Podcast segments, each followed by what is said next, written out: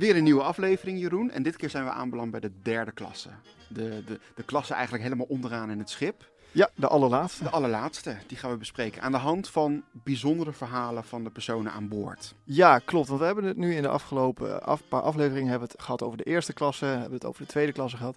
En eigenlijk wat uh, nou ja, mij opviel is dat we het altijd heel erg hebben over de, een beetje de, de grootste verhalen, de bekende figuren die uh, veel mensen wel kennen. Die spreken ook tot de verbeelding natuurlijk. Precies, hè? Bruce Ismay, Esther, wereld. Smith, nou ja, al die uh, fascinerende figuren.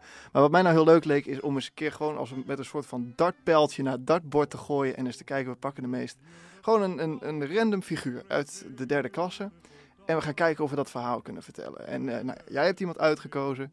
Ik heb uh, iemand uitgekozen. En, En we weten niet van tevoren wie we hebben uitgekozen. Dus we hebben gewoon Nee, dat we dus- dezelfde hebben. Nou, dat zou, dat zou heel ongelukkig zijn met 2000 passagiers. Maar eh, eh, ik geloof het niet. eh, nou ja, we- laten we hopen van niet. Dus we gaan elkaar eigenlijk een verhaal vertellen van een random passagier uit de derde klasse. En wie we ook aan bod laten komen, zijn onze eigen mede-Nederlanders die ook op het schip zaten. Er waren namelijk drie Nederlanders op de Titanic. Oh, you beautiful darling.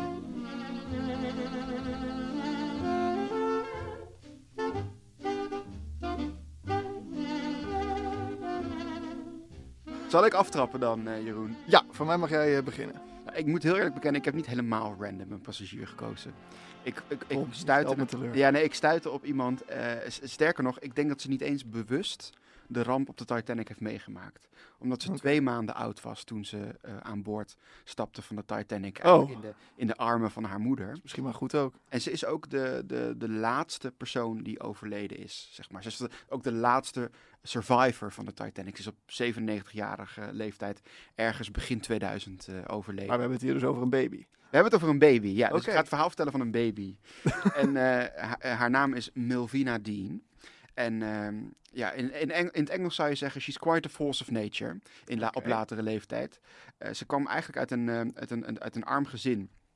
Samen met haar broertje eh, en ouders wilden ze een nieuw leven starten in Kansas. Haar vader, die had, eh, Bertram, die, had een, een, die zou een, tobacco, een tabakswinkeltje gaan starten in, in het beloofde nieuwe land Mhm. samen met, met zijn neef. En ze zouden eigenlijk helemaal niet aan boord van de Titanic zijn, maar met een heel ander schip. Maar Oh, ja, toen dat, je, hoor je vaker, hè? dat hoor je vaker inderdaad. En het lot, het lot bracht haar op de, op de Titanic. Ehm, ze zouden namelijk eigenlijk met de Adriatic gaan. Alleen er was een, ehm, een eh, ja, gedoe en ge- geruzie eigenlijk over de, de, de kolenstaking in die tijd. Waardoor dus dat schip niet uitvoer. En ze dus op een ander schip werden geplaatst. En eh, ja, zoals het lot g- geschiedde, was zij de jongste persoon eh, die het heeft overleefd aan boord. Dus de, dat, het, het schip, ze zouden op de Adriatic gaan, maar er, wa- er waren geen kolen meer voor, dus die waren- ja, dat was een ja. kolenstaking, dus ze, mo- ze moesten op een ander schip mee. Oké, en nou ja, in het begin dachten ze natuurlijk, die familie, die dacht, nou, dit is een luxe... eh, is nogal een upgrade. Ja, een enorme upgrade natuurlijk, Ja. om op de derde klasse van de Titanic mee te varen. Maar helaas, helaas, ehm, de moeder en het broertje heeft overleefd. De vader eh, eh, niet, die heeft het niet overleefd. Vader heeft het niet overleefd. Maar uiteindelijk zijn ze dus, ehm, ja, zijn ze dus wel in een eh, reddingssloep terechtgekomen. In, in, in sloep 10, een van de eerste schepen die, reddingsschepen die de Titanic verliet. Ja, zij heeft natuurlijk die nacht doorgebracht, eh, ingewikkeld in een dekens in de armen van haar moeder. Zo. En eh, toen is ze de volgende ochtend heel vroeg door de Carpathia eh, opgepikt. Maar dat ze dat overleefd heeft, is Ja. ook al wonderlijk. Dat Want ook al als je niet in het koude water belandt, dan is die nacht op die, op die reddingsboot, moet nog steeds verschrikkelijk zijn geweest. Klopt, ja. En eigenlijk is zij op die Carpathia een soort van mascotte geworden.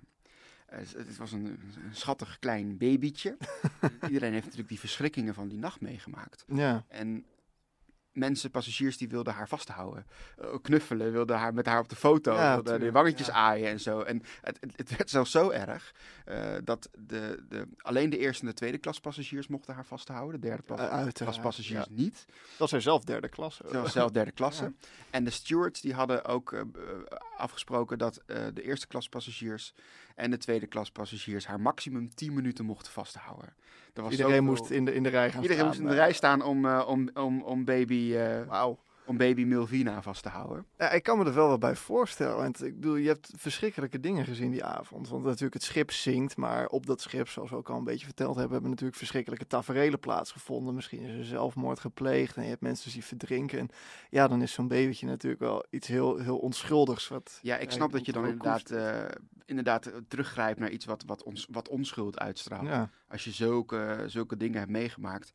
En, eh, maar ja, zij heeft natuurlijk geen, bijna een besmet woord om te zeggen, actieve herinnering aan de nacht op de Titanic. dat is haar later verteld, op achtjarige leeftijd. Toen, eh, toen werd haar verteld dat ze een passagier was op dat schip. Ze zijn, eh, de familie Dean is trouwens, ja, omdat de vader natuurlijk overleden was, ze hebben ook nooit gesetteld in het, ehm, in het nieuwe land, in Kansas. Hmm. Ze zijn twee weken later zijn ze weer teruggegaan naar Engeland. Hebben daar eh, zo goed en zo kwaad als het kon een leven opgebouwd. En eigenlijk is eh, Milvina op latere leeftijd eh, een beetje een soort activist geworden voor de overlevenden en de nabestaanden. Oh, legacy van de Titanic. beetje zoals eh, Molly Brown dat ook. Een beetje zoals Molly Brown inderdaad. Dus op latere leeftijd ging ze naar al die herdenkingen en organiseerde ze activiteiten voor overlevenden. Hmm. En eh, ze, ze had toen die film gezien in, in de jaren 50, A Night to Remember, hè, een van de eerste Titanic films. die uitkwam. 53 dacht ik. Ja, en daar heeft ze nachtmerries over gekeken, gekregen. En eh, ze vond het, eh, ze, ze kon dat niet zien. En ook toen eh, in, in 1997 natuurlijk, toen, daar komt het eurotje, James Cameron een film heeft gezien, kon ze ook niet bekijken. Die heeft ze nooit gezien, die film. Want hoe denk je dat dat werkt? Is ze dan... Maar kijk, zij is dus een baby, dus eh, ze heeft, dat niet meegemaakt. Nee, ze heeft het niet Nee. meegekregen, maar misschien onderbewust toch... eh, ja, dat is een goede vraag, dat weet ik niet. Ik denk het bijna niet. Een soort van denk- laadje opentrekt misschien, in je gedachten. Ik kan me wel voorstellen dat het verlies van je vader natuurlijk Ja, een hele belangrijke Dat kan ook speelt. natuurlijk hebben En meegespeeld. wat ik ook wel bijzonder vind aan Milvina, is dat zij zich ook altijd heeft ingezet. Kijk, de Titanic kan af en toe ook een beetje als cult worden gezien. En je had bijvoorbeeld, Ja. de BBC had in de jaren negentig een Christmas special van Doctor Who. En eh dan waren ze, eh, er wa- was een, een, een feestdag op de Titanic. En dat, toen heeft zij een hele boze brief geschreven. dat we niet moeten vergeten dat er mensen op dat schip gestorven zijn. Dat er, eh, Ja. dat er mensen ehm, eh, verdronken zijn en dat er families door zijn verscheurd. Dus zij kwam altijd een beetje op voor die belangen. Nou, dat is op zich wel een hele mooie... Dat vond ik wel heel bijzonder. Op latere leeftijd, eh nou, ze is 97 geworden, dus een behoorlijke leeftijd, kwam zij in een carehouse terecht. En dat kon ze eigenlijk niet betalen. En toen hebben eh, de grote sterren, James Cameron, Celine Dion, maar ook Kate Winslet en Leonardo DiCaprio, hebben eigenlijk haar oude dag betaald. Ze hebben eigenlijk haar dat, ehm, Oké. haar laatste dag, haar oude dag nog... eh, Dus het heeft haar op, op een vreemde manier ook haar hele leven eh, achtervolgd. Van, wieg tot, nou ja... Klopt. Ja, en haar as, is, haar as is uiteindelijk ook uitgestrooid in Southampton, Wauw. Op Oké. de- in de haven. Ze is er wel echt helemaal mee verbonden geweest. Uiteindelijk is haar hele leven inderdaad entangled geweest met, eh, met de Titanic en het lot. En, ehm, dus het is niet zomaar een derde klas passagier, maar ik vond het wel een heel bijzonder verhaal. Eigenlijk aan de hand van iemand die het niet bewust heeft meegemaakt, maar daar wel eh, ja, haar lot aan heeft verbonden. Weet je ook wanneer ze is overleden uiteindelijk? Ik dacht uit mijn hoofd 2004. Wauw. Iets in die iets Dus die- iemand dus op de Titanic nog meemaakt en dan in 2004, wat nou ja, nog redelijk dichtbij voelt, eh, overleden is. Ze is ook de laatste overlevende, dus er is verder ook nu niemand meer in, in leven die die ramp heeft meegemaakt.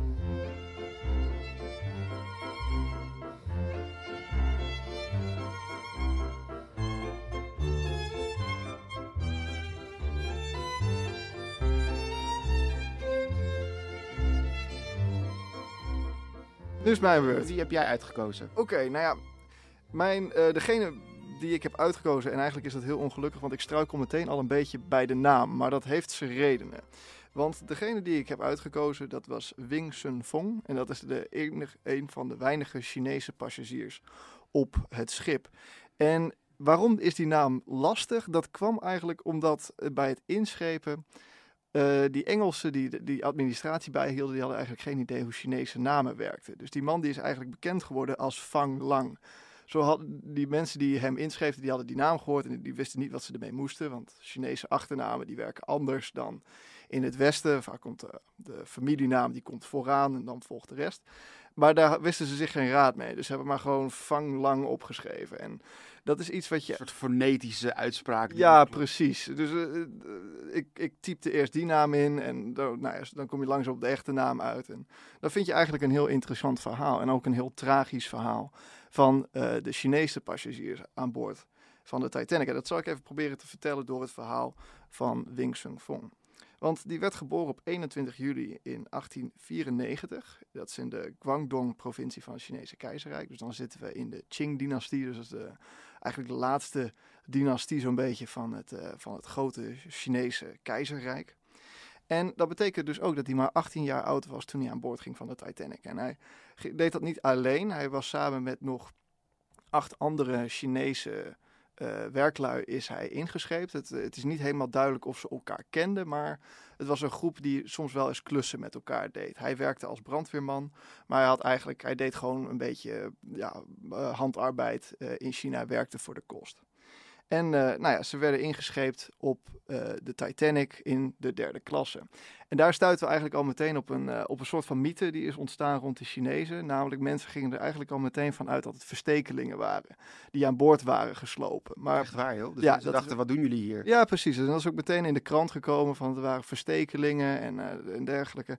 Nou, Maar hij werkte ook op het schip dan? Of was nee, hij, hij werkte niet op het schip, maar hij, hij was gewoon een passagier. Er, er zijn tickets. Ze, ze konden gewoon zien van dat het een. eh, d- dat zij een, een, een kaartje hadden gekocht. Maar ja, dat werd toch ja, vonden om met bepaalde redenen, zeker in die tijd.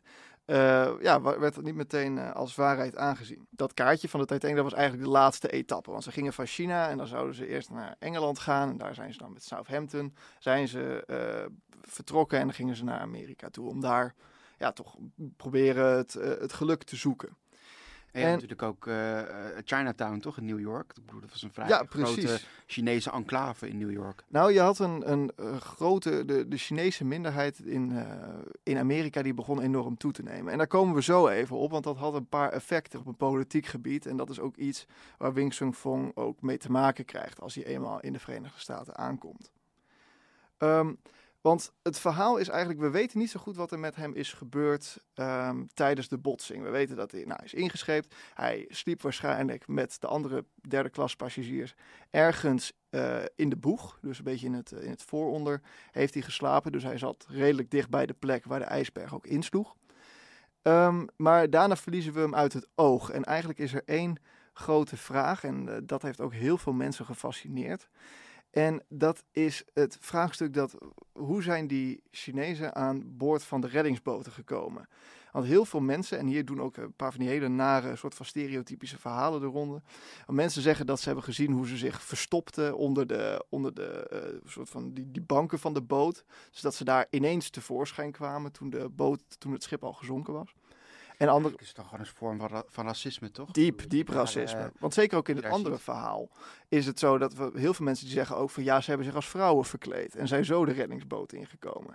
Dus eh, dat, dat is ook. Mensen gaan ervan uit dat ze op een oneervolle manier... eh, Ja, eigenlijk wel. En dat is ook, dat, dat we hebben het eerder over gehad, een beetje dat thema wat steeds weer terugkomt, is mannen die zich als vrouwen verkleden om die reddingsboot in te komen. Dat werd ook gezien als het, ja, het, het minst eervolle wat je wel ongeveer kon doen als man in, die tijd.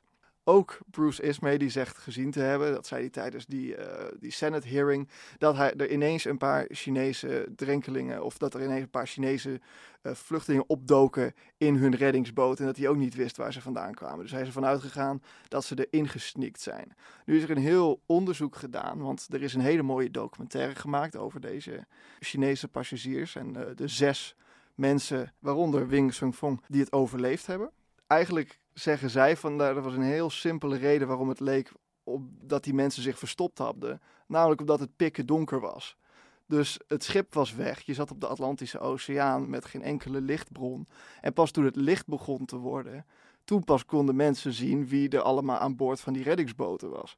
Dus toen werd pas duidelijk dat er dat ook een paar Chinese passagiers erop zaten. Dus zo leggen, leggen zij het in de documentaire Maar uit. we weten natuurlijk dat eh, om in de, in de reddingsboot te komen moest je langs Lightoller en Murdoch. Ja, Nou, hield Lightoller er een behoorlijk streng eh, regime op na. Geen enkele man mocht eh dat klopt. Dus is het dan geloofwaardig dat ze dan via Murdoch dat hij ze heeft toegelaten in die eh, reddingssloepen. Ja, maar zij waren ook niet de enige die zich met de reddingssloepen bezighouden. Want ze schijnden de, of in ieder geval eh Wing Sun Fong is in een van de collapsibles eh, gekomen. Dus een van de uitvouwbare reddingsboten. Nou, en daar, die is op een gegeven moment te water geraakt. Die is van het dek afgevallen en die heeft een tijdje rondgedobberd. Dus misschien is hij er In zodoende de chaos en ingekomen. zo van het, van het zinken. En Ja, is, is er natuurlijk veel gebeurd. Ja. maar ik vergeet daarmee bijna het, eigenlijk het meest spannende deel van het verhaal. En dan moet jij ook de Titanic filmpot even tevoorschijn halen, want er gaat weer een euro in. en dat is namelijk eh, hoe Wing Sun Fong ook eerst... Hij is eerst helemaal niet in die boot gekomen.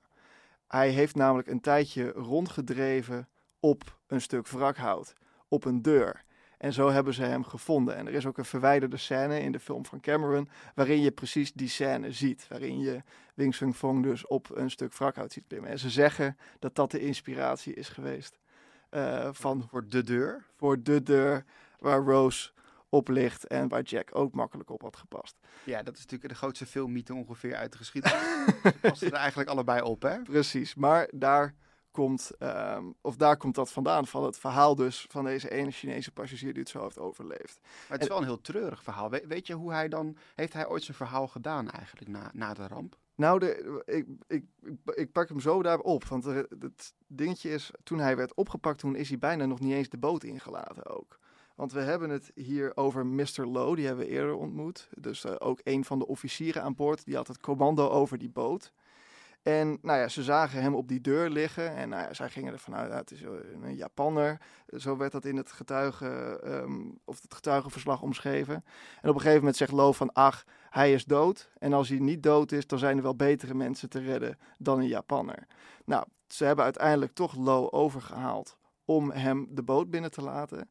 En het schijnt dat eh Wing Sun Fong niks heeft gezegd. Dat hij gewoon eh, of nou, even een knikje heeft gegeven. Meteen achter een roei of achter een, een peddel is gaan zitten. En voor zijn leven heeft zitten roeien. Terwijl hij er eigenlijk uitzag dat hij op sterven na dood was. En dat zelfs Lo toen heeft gezegd van nou als ik dit had geweten dan had ik hem meteen aan boord gehaald. Dus een, Een naar verhaal een eigenlijk. heel naar verhaal eigenlijk. Want hij, hij, je leeft natuurlijk nu, eh, we hebben het over 100 jaar geleden. En kijk, nu, nu zie je natuurlijk dat er veel meer discussie en, eh, en er wordt echt actief tegen racisme gestreden. Maar in die tijd moest je je maar schikken naar je lot. Ja, en het, het, het, het, het spijt me, want kijk, dat verhaal van jou met de, de baby, dat is, nou, heeft nog een, een soort van fijne wending. Want ze, ze heeft het overleefd en ze heeft daar nog een mooi leven gehad.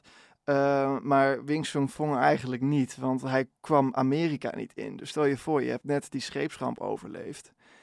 En ja, dan wordt eigenlijk wordt je niet het land binnengelaten, omdat je Chinees bent. Want hoe komt dat? Dat komt omdat um, in 1882 was de Chinese Exclusion Act aangenomen onder president Chester Arthur. En eigenlijk was dat om de enorme Chinese uh, migratie tegen te gaan. Want als je er op een bepaalde manier naar kijkt, zijn China en de Verenigde Staten zo ongeveer buurlanden in, het, uh, in de westelijke kant. En dat betekende dus ook dat in steden zoals San Francisco een enorme Chinese minderheid begon te ontstaan. Nou, dan krijg je natuurlijk het bekende gedoe met ze pakken ons onze banen af. Nou, en toen is de grens eigenlijk dichtgegaan. Dus ook die Chinezen die het hebben overleefd zijn Amerika niet binnengekomen. En uh, dus ook uh, Wing Song Fong niet.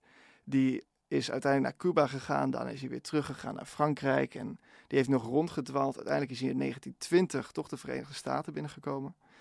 En hij is toen, uh, ja, hij is, hij heeft, is ook heel oud geworden. Hij is, uh, heeft tot in de jaren 90 geleefd. 91 is hij ongeveer geworden.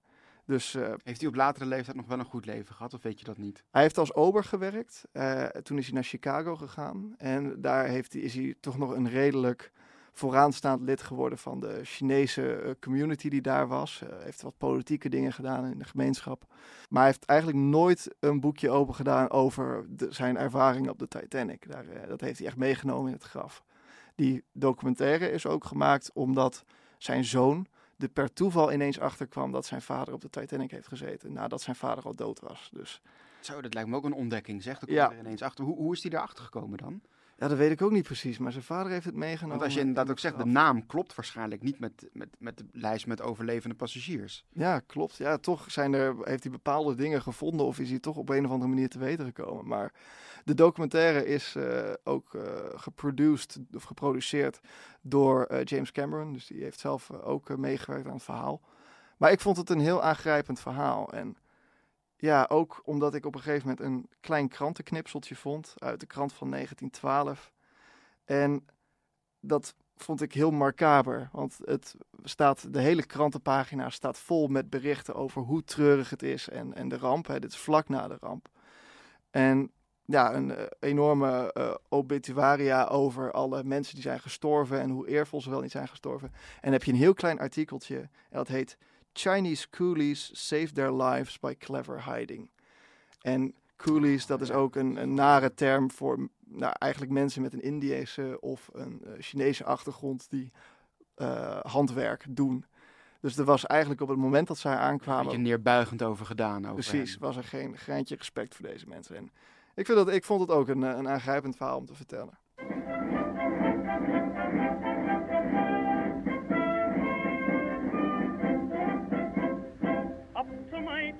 Ja, Jeroen, er zaten natuurlijk heel veel nationaliteiten op die Titanic. Je had het net over de Chinezen. Ja. Er zaten ook Indiërs, eh, Scandinaviërs, mensen uit eh, Ierland. Een beetje elke denkbare nationaliteit zat op dat schip. En zo ook, dat brengt ons natuurlijk bij onze eigen nationaliteit, de, Nederlanders. Nederlanders. Ja, Ja. want er zaten wel geteld drie Nederlanders op de Titanic. dat ik maar klopt. Even een hele treurige disclaimer, geen enkele heeft overleefd. Nee, ja, laten we daar maar mee beginnen. Want anders Ja. dan, eh, Dan weten we dat. we dit, is, dit is geen, eh, eh, geen hoopvol of, of fijn verhaal. het is sowieso een beetje een deprimerende Ja, aflevering maar ja, het is natuurlijk nu gewoon een scheepsramp waar we het over hebben. Maar ja, en het is ook de derde klasse op een. op en een die hebben het natuurlijk ook allemaal wat zwaarder dan... Je hebt het over het algemeen wel heel veel pech gehad, ja. Want er is nog één mythe die ik je wil voorleggen, Jeroen. Oké. Dat is namelijk... Oké, euro in het potje. Je ziet dat die deuren dicht zitten. Eh, die, die poorten die zijn gesloten voor de derde klas passagiers. Waarbij ze dus in het beneden deks moesten blijven. Ja.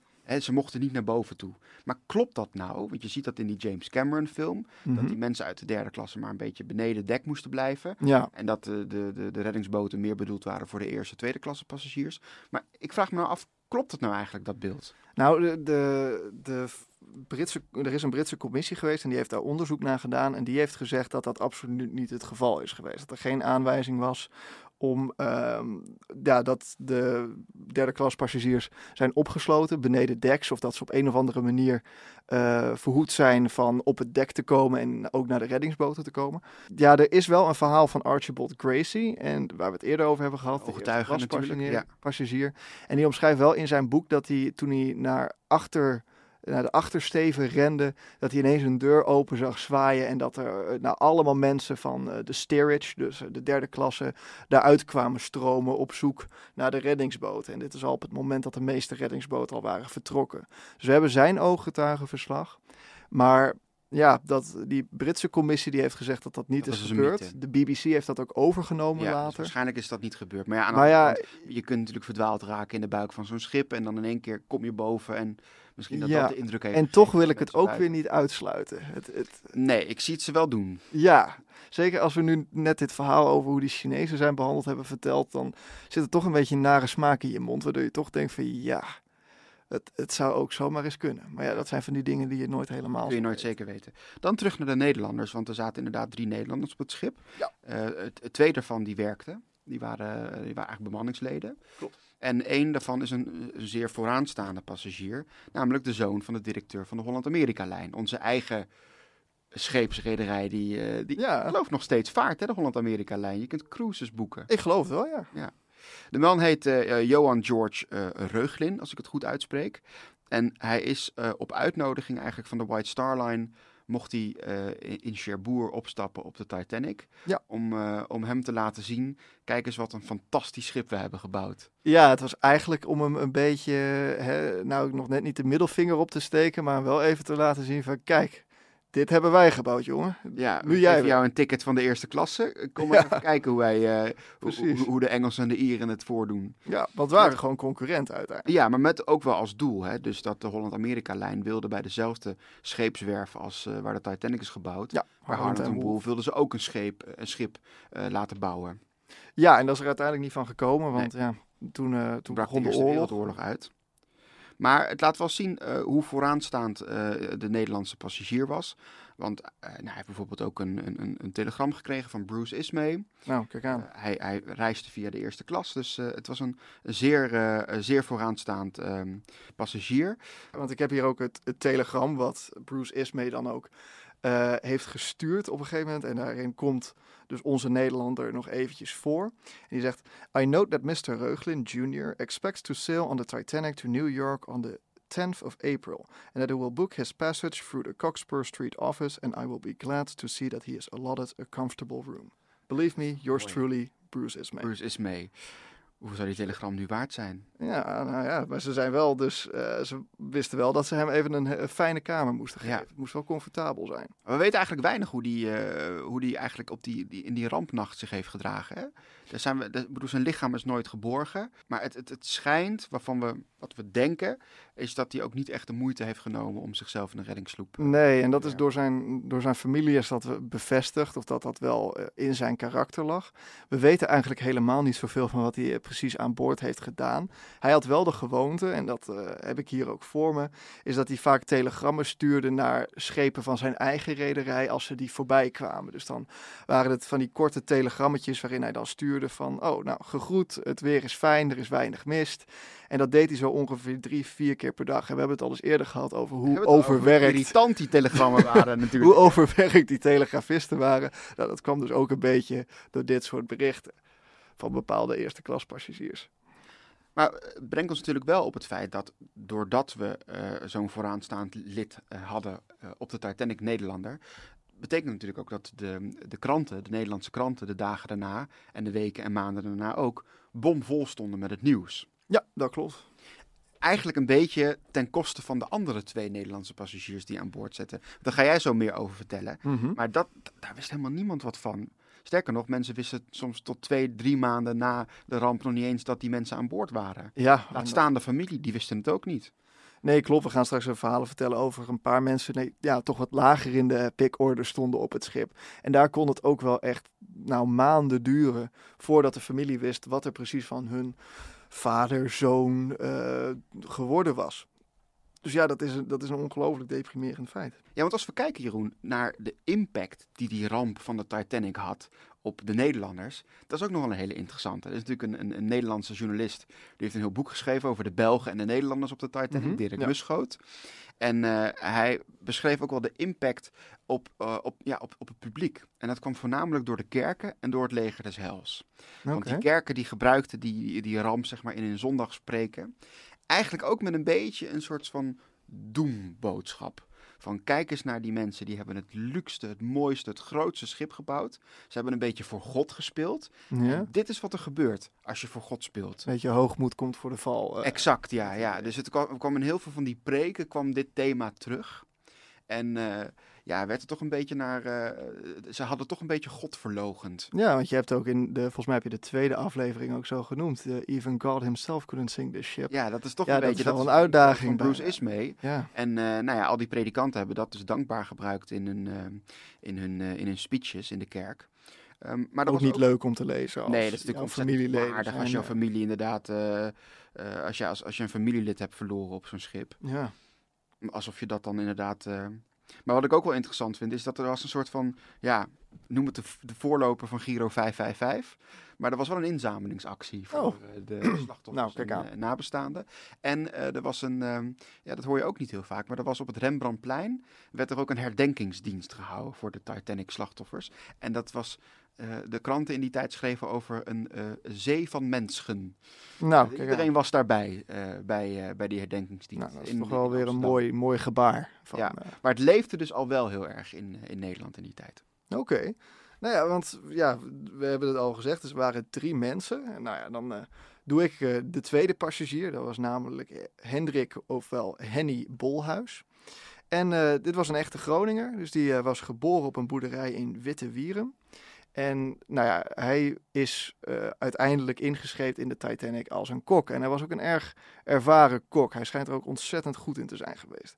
Want hij heeft eerst een tijdje in Groningen gewerkt, in een, eh, in een bakkerij. En daarna is hij naar Utrecht gegaan. Daar heeft hij daar een koksopleiding gevolgd.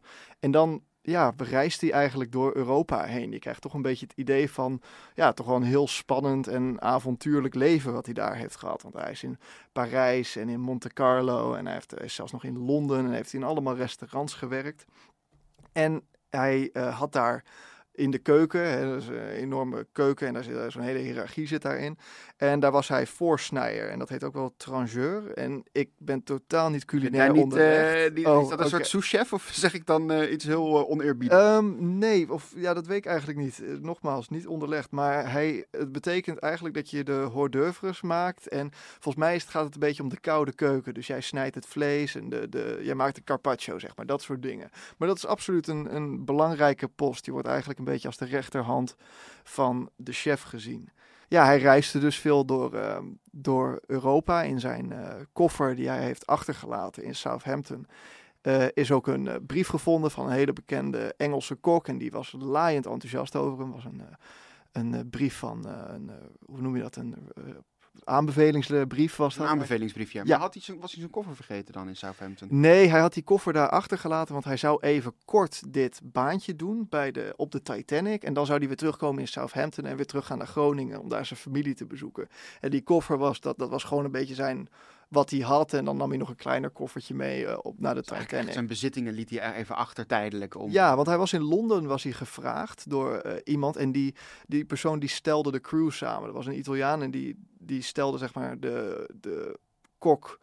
Uh, de koksploeg stelde die samen, want dat deed de White Star Line niet zelf. We hebben het vorige week over de tweede klas passagiers gehad. En die werden ook van buitenaf ingehuurd. En zo was het ook met de koks. Er was uiteindelijk 81 man aan personeel dat in de keukens aan het werk was. Niet de minste uh, koks en Nee, absoluut niet. Want je, je ziet, Henny was een hartstikke ervaren kok. En er is nog iets wat uh, we vinden in die koffer. En dat waren namelijk ongelooflijk veel brieven van vrouwelijke aanbidders. Oh. Dus we hebben een, uh, er zijn een paar foto's van Henny. En het was een knappe man. Echt een grote geoliede snor. En nou, dat vonden meer vrouwen. Dus we hebben brieven van vrouwen die bereid waren hun man in de steek te laten. Jeetje, voor hem. Ik heb... Belastend materiaal allemaal in die koffer. Ja, absoluut. Ik heb een brief van ene Albertine en daarin staat: Het heeft me een plezier gedaan iets van jou te horen. Je zegt me dat ik binnenkort een brief zal krijgen, maar ik krijg niet vaak iets. Ik hoop dat je me vaker zult schrijven. Ik ben helemaal alleen. Dit is zeer triestig. Ik stuur jou mijn foto, maar dan kan jij mij ook een foto van jou sturen. Jeetje, hij was wel heel persoonlijk, Jeroen. Ja, maar hij was, hij was dus wel een beetje een, een hartebreker die dus heel uh, Europa doorreisde. Ja, en uiteindelijk is ook hij uh, dus op de Titanic terechtgekomen. Hij had eerst nog op de Olympic gevaren. En daar had hij dus ook die, bijna die botsing met de SS Hawk had hij ook nog meegemaakt. Hij was daarbij toen dat gebeurde en schrijft daar ook nog over in een brief naar zijn familie. Dan zegt hij ook van nou, het had echt uh, het niks geschild. Of uh, het was helemaal fout gegaan. Hè. We hebben in de vorige aflevering ook besproken hoe op het nippertje dat nog goed ging. Ja, uiteindelijk weten we niet precies wat er is gebeurd. We weten eigenlijk vrij weinig van wat er met de koks is gebeurd. Bijna allemaal zijn ze omgekomen. En ja, er zijn verhalen dat zij zijn hele koksploeg op het dek hebben zien staan van zij wisten ook niet wat er moest gebeuren, omdat het eigenlijk niet duidelijk was waar zij stonden in die hiërarchie op het schip. Dus mochten ze nou wel een reddingsboot in of niet, of, dus dat zij dat niet wisten. Er zijn ook verhalen, en dat is natuurlijk een mooi verhaal, dat zij nog tijdens het zinken nog in de keukens bezig zijn geweest om de reddingsboten met voedsel uh, te bevoorraden. Is dat een geloofwaardig verhaal, denk je? Ik weet het niet, maar ik... Het is wel een mooi verhaal. Ja, mensen zeggen, het zijn meerdere ooggetuigen die zagen dat ze de bakkers nog bezig zagen, dus... Nog het zou kunnen. broden bakken voor de, de passagiers die Ja. wel in de... Nou ja, het is wel een mooi verhaal, maar misschien... Ja, het zou kunnen. Mhm.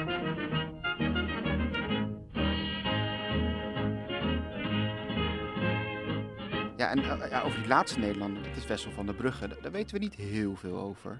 We weten wel dat hij een, uh, een stoker is geweest op het schip.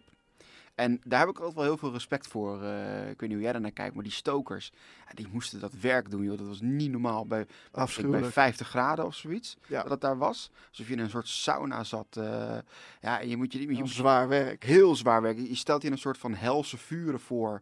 eh, gigantische vuren. Daar moesten die kolen moesten erin geschept worden. Alles was zwart van de, van de kolen. Alles was, was bezweet. Veel damp, veel stoom. Veel, nou, anyway, dat was, het was ook niet voor niets dat ze die diensten eh, maar vier uur achter elkaar eh, mocht je dat werk doen. Ja, klopt. Dus je had ploegendiensten en dan moest je even naar boven toe. Nou, ging je wat hoger in het schip, want daar was eh, een soort van leef- en eetruimte voor die mensen.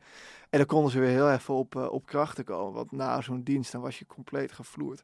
En je kreeg er ook weinig geld voor. Ja, wat is het? Maar een paar pond per maand geloof ik. Ja, je kreeg drie pond per maand. En nou ja, we weten bijvoorbeeld van, eh, van de andere passagier, de kok, Henny Bolhuis, dat hij zes pond per week kreeg. Dus daar zat al wel echt een, een hiërarchie in. eh. Ja, als stoker ben je natuurlijk echt wel, eh, sta je echt wel helemaal onderaan de, de hiërarchie. En die kreeg je en in het schip. En in het schip ook, zit je ook helemaal onderaan. Nou was deze meneer, die Wessel van der Brugge, die komt uit Delfshaven. Ja. Hij is ook nog eens heel kort militair geweest. Waar hij ook is met, geloof met zijn broer heeft hij eh, nog een tijdje Ja, gewoond hè, in. Zuid-Afrika. Ja. Ja, heel eventjes was dat. En toen is hij teruggegaan naar, naar Nederland. Toen is hij trammachinist geworden. Ja, en op een gegeven moment, we weten niet hoe, maar dan eh verhuist hij naar Engeland en eh, gaat hij in, in Southampton wonen. En ik denk dat hij op die manier dan op de Titanic terecht is gekomen als stoker. Ja, hij woonde daar in een, in een sailors home. Dus dat is gewoon een soort van pensionnetje waar je dan een kamertje had. Maar ja, het, het was niet een man van vermogen. Dus Nee. maar hij, hij, is, ja, hij is aan boord gegaan. En eh, ja, we weten eigenlijk niet wat er met hem is gebeurd. Ja, je kan het wel een beetje raden. Kijk, er is een, een eh, toch wel bijna ontroerend eh, verhaal dat die stokers tot het laatste moment zijn doorgegaan met die ketels warm houden om het, om het schip zo lang mogelijk drijvende te houden. Ik weet niet helemaal in hoeverre dat, dat strookt met wat we weten van hoe het schip gezonken is. Omdat uiteindelijk, ja, die ketelruimte die overspoelde natuurlijk heel snel. Het zou kunnen dat het achterin wel is gebeurd, dat ze nog tot laat gestookt hebben. Maar voor mij is het We weten ook niet in welk deel van het schip hij stoker was. Nee, Als hij aan het precies. begin van het, eh, waar de, de impact was met de ijsberg, Ja, misschien was hij dan al op, op ja dan is het heel eerder snel overleden. klaar, ja, dan is het snel klaar. Dus, dus oh, zijn lichaam is ook nooit geborgen, dus we weten het eigenlijk niet. Nee, voor mij is dat, dat. Ik heb wel vaak naar die dekplannen gekeken, die we de vorige keer er ook bij hadden. Waar je het schip zo helemaal mooi kan zien waar alles zit. En die onderste dekken, die vond ik altijd wel heel fascinerend. Want het moet echt een soort van helachtig landschap zijn geweest. Je hebt natuurlijk die enorme vuren van die ketels. Is heel benauwd, heel claustrofobisch. En, en vergeet niet, je zit bijna 10, 20 meter onder de zee ook zo'n bo- zo'n boot heeft natuurlijk een diepgang van, eh, nou in het geval van een groot schip heeft het een aardige diepgang. Ik weet niet precies hoeveel, maar je zit toch onder water eigenlijk. Dus inderdaad, als daar een gaatje inslaat, dat, dat stroomt helemaal onder. Sta- die stad spuit naar binnen natuurlijk. Ja, Ik vind het een ongelooflijk claustrofobisch Ja. naar, eh, naar idee. Ja, we weten ook van Wessel van der Brugge, hij is nooit geborgen. Dus we weten ook nee, niet we weten niet hoe. wat er precies is. En wat, dit vind ik het treurig aan het verhaal van de Nederlanders, de twee Nederlanders, eh, is dat de familie pas maanden later is ingelicht. Dat Dus klopt. ik geloof in juli en augustus ergens, toen hoorde de familie pas voor het eerst, ja, jouw, eh, Ja, jullie vier maanden na de ramp. Ja, zat ook op dat schip en is niet meer teruggekomen. Ja, Wat een onzekerheid moet dat zijn geweest. dat moet afschuwelijk zijn geweest. Nou, en tot zover Ja, ik wilde op een En, eh, vrolijkere noot eindigen, maar dit is wel een beetje het verhaal van de Nederlanders op de Titanic. Ja, dat, eh, daar word je niet echt vrolijk van. Nee, misschien had je beter het verhaal over de baby wat later kunnen vertellen. Dan hadden we toch wat, eh, ja, we hadden toch op een soort van optimistische noot geëindigd. Maar het blijft uiteindelijk een podcast over een scheepsramp. En ja, daar Ja, hoort dat, het ook moet je ook te, moet je ook eerlijk zijn, inderdaad. Ja. Volgende keer gaan we het hebben over de nasleep. Ja, heeft precies. nog wel wat voeten in aarde gehad. Ja, want ook nadat de Titanic verdween was het verhaal nog niet klaar. Er is natuurlijk moest heel veel. We hebben al een paar keer gerefereerd aan die senaatlezingen en hoe alles, eh, het, het verhaal eigenlijk bij elkaar werd gepuzzeld. En dat is een, een fascinerende zaak is dat geweest. Het is ook heel lang doorgegaan. Ja, en dat niet alleen, maar ook de, de, het, borgen van de lichamen. Er zijn ook bergingsoperaties geweest. En er moesten dus schepen vanuit Canada en de Verenigde Staten naar die plek des onheils. En ja, de, de passagiers hadden allemaal van die, van die eh, reddingsvesten aan. Waardoor ze dus ook een beetje dicht bij elkaar dreven. En die Hmm. lichamen moesten geborgen worden. En dat is ook nog wel een heel treurig verhaal. Ja, nou ja, laten we het proberen nog op een beetje een, een eh, fijne manier te kunnen verwoorden, hopelijk. We gaan ons best doen. Ja. Tot de volgende keer. Tot de volgende keer.